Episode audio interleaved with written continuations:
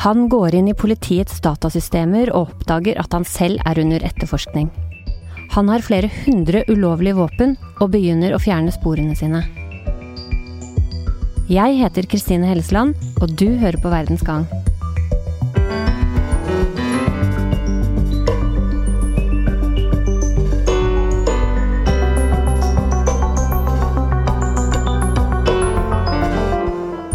Det tar fire måneder før politiadvokaten blir konfrontert med en alvorlig siktelse. I mellomtiden prøver han å skjule bevisene. Erlend Ofte Arntzen er journalist i VG. Hva skjer når politiet konfronterer han? Han blir først eh, konfrontert hjemme hos seg selv, men eh, hjemme har han jo bare lovlige våpen. Eh, han forventer derfor at saken blir henlagt. To dager senere er det et nytt avhør. Det er langt tøffere spørsmål. Dagen etterpå blir han funnet død. Han har tatt sitt eget liv. Det starter nærmest som en tilfeldighet sommeren 2015. Tre menn blir stoppet av politiet på vei bort fra en skytebane. Bilen de sitter i er full av våpen. Etterforskningen fører dem til en politiadvokat i Lillestrøm. Erlend, du har jobbet fram denne saken sammen med to kollegaer. Hvordan endte politiet opp med å etterforske en politiadvokat i Lillestrøm? Da må vi tilbake til eh, noe som kalles for Operasjon Bonanza. En uh, politioperasjon som ja, på mange måter startet som en tilfeldighet en uh, sommernatt i 2015. Når flere menn ble tatt med våpen etter å ha vært på en skytebane utenfor Skien. Den saken fører til et stort beslag, og til nye spor til andre steder i landet. det gjør at politiet ser at de ønsker å etterfortsette som en operasjon. Eh, og etterforskningen tar dem ganske raskt til, eh, til Hønefoss. Der er det et miljø eh, som politiet mener er interessant. De eh, spaner og pågriper etter hvert eh, to menn. Den ene fra Forsvaret og den andre en selverklært våpensamler. Eh, det er et gigantisk beslag, bl.a. med forsvarsvåpen. Men i ransakingen så finner de også noe helt annet. de finner et brev. brevet er signert Peter. Eh, brevet er i praksis en bestilling av eh, egentlig bare små stålbiter, man kan kalle det falske plomber, som gjør at man kan eh, forfalske et våpen og få det til å se ut som det er ufarlig, mens det i praksis kan skytes med fortsatt. Eh, dette brevet finner politiet naturligvis interessant, eh, og det er det som da til slutt leder dem til eh, Lillestrøm, til en politiadvokat som heter Peter Ristan. Og hva gjør politiet når de finner dette brevet? Eh, det de gjør, er at de eh, Dette er jo en politimann. Eh, så det første som skjer, er at de varsler Spesialenheten om dette. Det er jo de som da etterforsker når politimenn gjør noe galt. Men hos Spesialenheten så mener at det han har gjort, har han gjort som privatperson, og ikke som polititjenestemann. og det er det som gjør at saken til slutt, i oktober 2016, havner hos politiet her i Oslo. Men hvordan skjønte Peter Ristan selv at han var under mistanke? I denne saken på Hønefoss, eh, hvor de fant brevet som han hadde sendt, den fikk en viss oppmerksomhet i mediene. Eh, det er naturligvis grunn til å tro at eh, Peter Ristan selv fikk med seg det. Eh, og han eh, visste naturligvis at han hadde i sendt et brev til denne mannen på Hønefoss.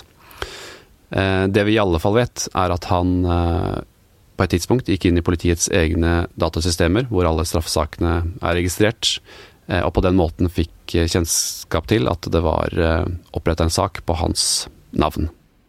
Han starter da med å rydde unna eh, sine ulovlige våpen, altså han fjerner sporene sine.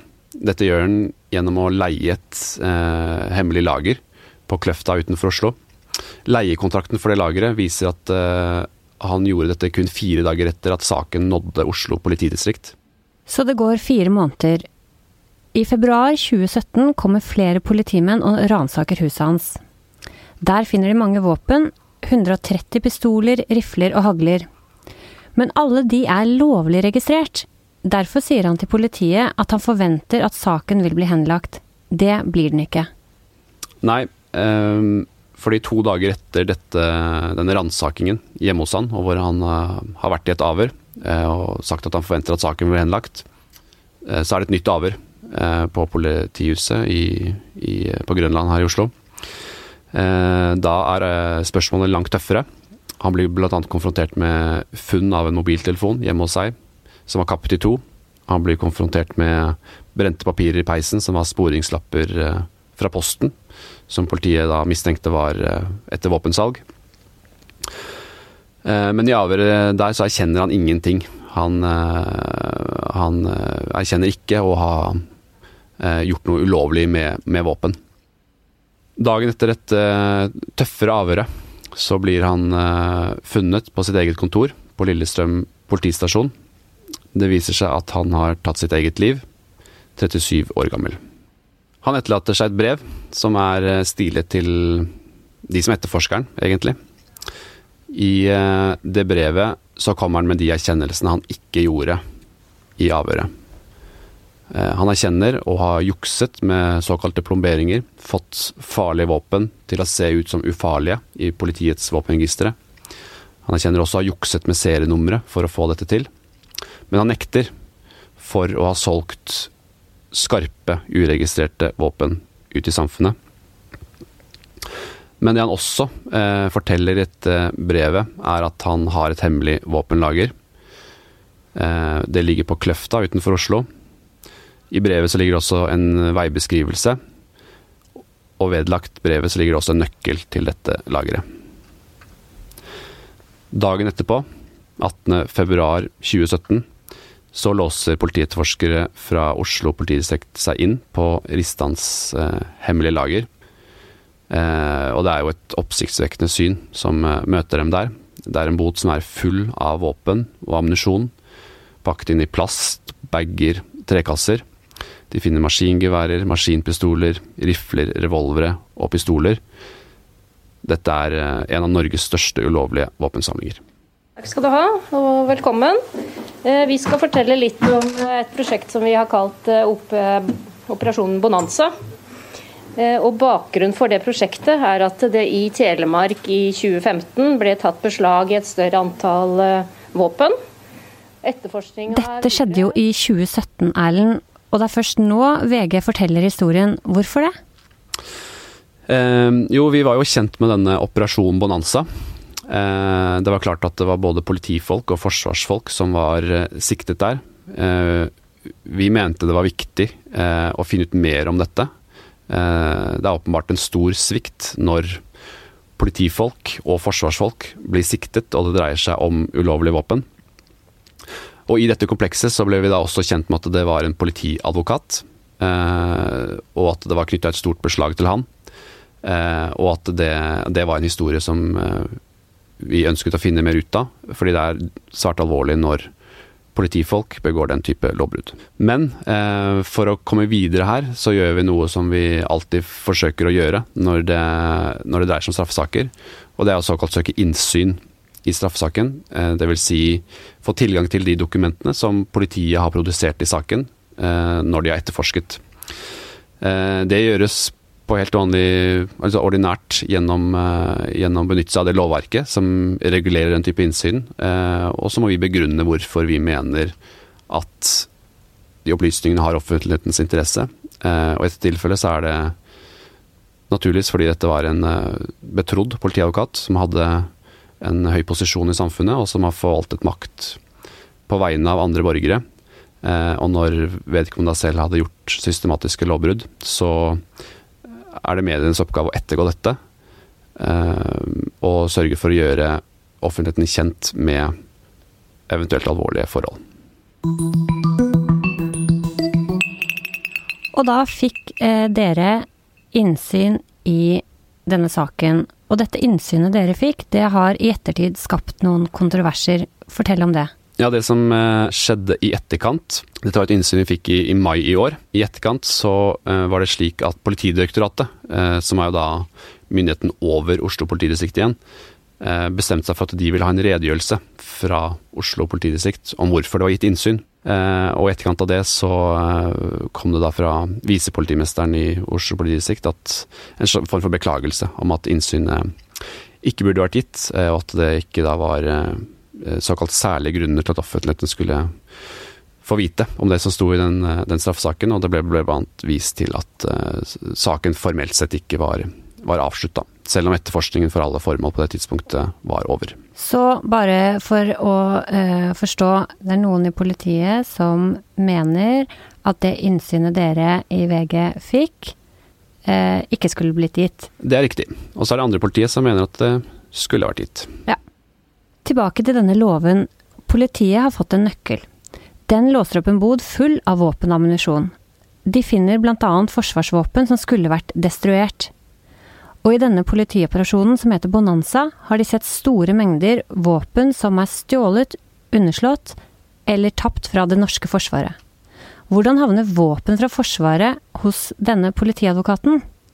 Det er jo et godt spørsmål. Det er eh, ikke tvil om at man gjennom denne operasjonen Bonanza har eh, funnet masse forsvarsvåpen som ikke skulle vært ute i samfunnet. Og Det er jo det vi egentlig på, på, jobber med nå. og Politiet har konstatert at dette har skjedd, og så skal vi forsøke å gjøre en jobb å finne ut hvordan dette har skjedd. Det bildet som tegner seg eh, per nå, er jo at det er en form for kombinasjon mellom at man har hatt såkalt utro tjenere, som på ulikt vis har tatt med seg våpen ut av Forsvaret, men på den andre side så er det også sånn at Forsvaret gjennom eh, mange år, og det har de også erkjent, har hatt for dårlige rutiner og et eh, system som rett og slett har, har sviktet samfunnet gjennom at det nå i nyere tid gjenfinnes våpen som man trodde var ødelagt. Men så er det jo også sånn eh, at våpen fra Forsvaret de har jo også en historisk verdi. Og dette er jo våpen som mange lovlige våpensamlere vil ta hånd om. Og det får de jo lov til. Eh, hvordan samler man da lovlig på våpen i Norge? Ja, det er helt riktig at, eh, at forsvarsvåpen, og spesielt fra andre verdenskrig og sånn, er, er ettertrakta samlerobjekter. Og de fins på lovlig vis i mange ordinære våpensamlinger. For å eh, bli våpensamler, så må man søke om det til politiet. Så får man en såkalt våpensamlerlisens. Og så må man da bestemme seg for et område man vil samle på, f.eks. en historisk tidsepoke. Og så er det da også sånn at man får et antall våpen som eh, man får lov til å ha. Eh, og i denne politiadvokatens tilfelle så var det 125. Det er et ganske høyt antall. Men problemet oppstår jo da eh, når man har samlet sine 125 våpen, eller sine 50 eller 75 våpen eh, og man kanskje ønsker et våpen til, hva gjør man da? Da er det egentlig to valg. Du kan enten selge det og kjøpe et våpen som du syns er finere, med politiets tillatelse, eller så kan du velge å plombere det. Å plombere et våpen er i praksis det samme som å gjøre om til en bit metall.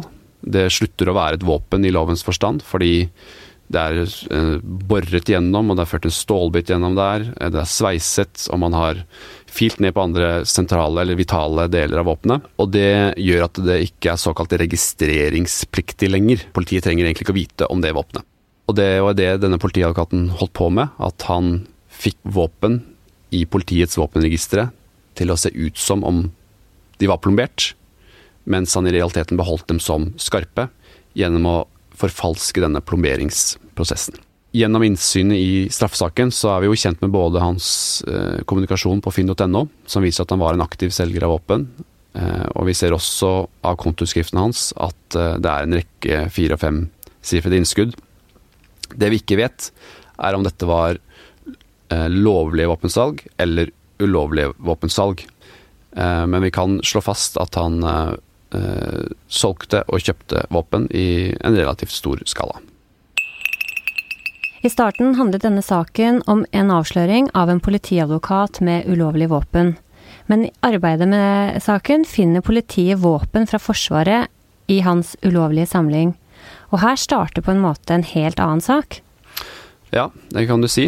Denne saken slutter på mange måter med at eh, man i dette store beslaget på, denne, på dette hemmelige lageret til politiadvokat Peter Ristan Eh, at man der finner et våpen for Forsvaret som skulle vært destruert. Det er et eldre våpen, men det skulle likevel ha vært destruert og ødelagt. Og det vi ser Vi har ikke grunnlag for å si at Peter Ristan gjorde dette, eh, men det vi ser generelt, er at våpen som kommer fra Forsvaret, som Forsvaret tror er ødelagt, eventuelt vet er tapt, havner hos kriminelle.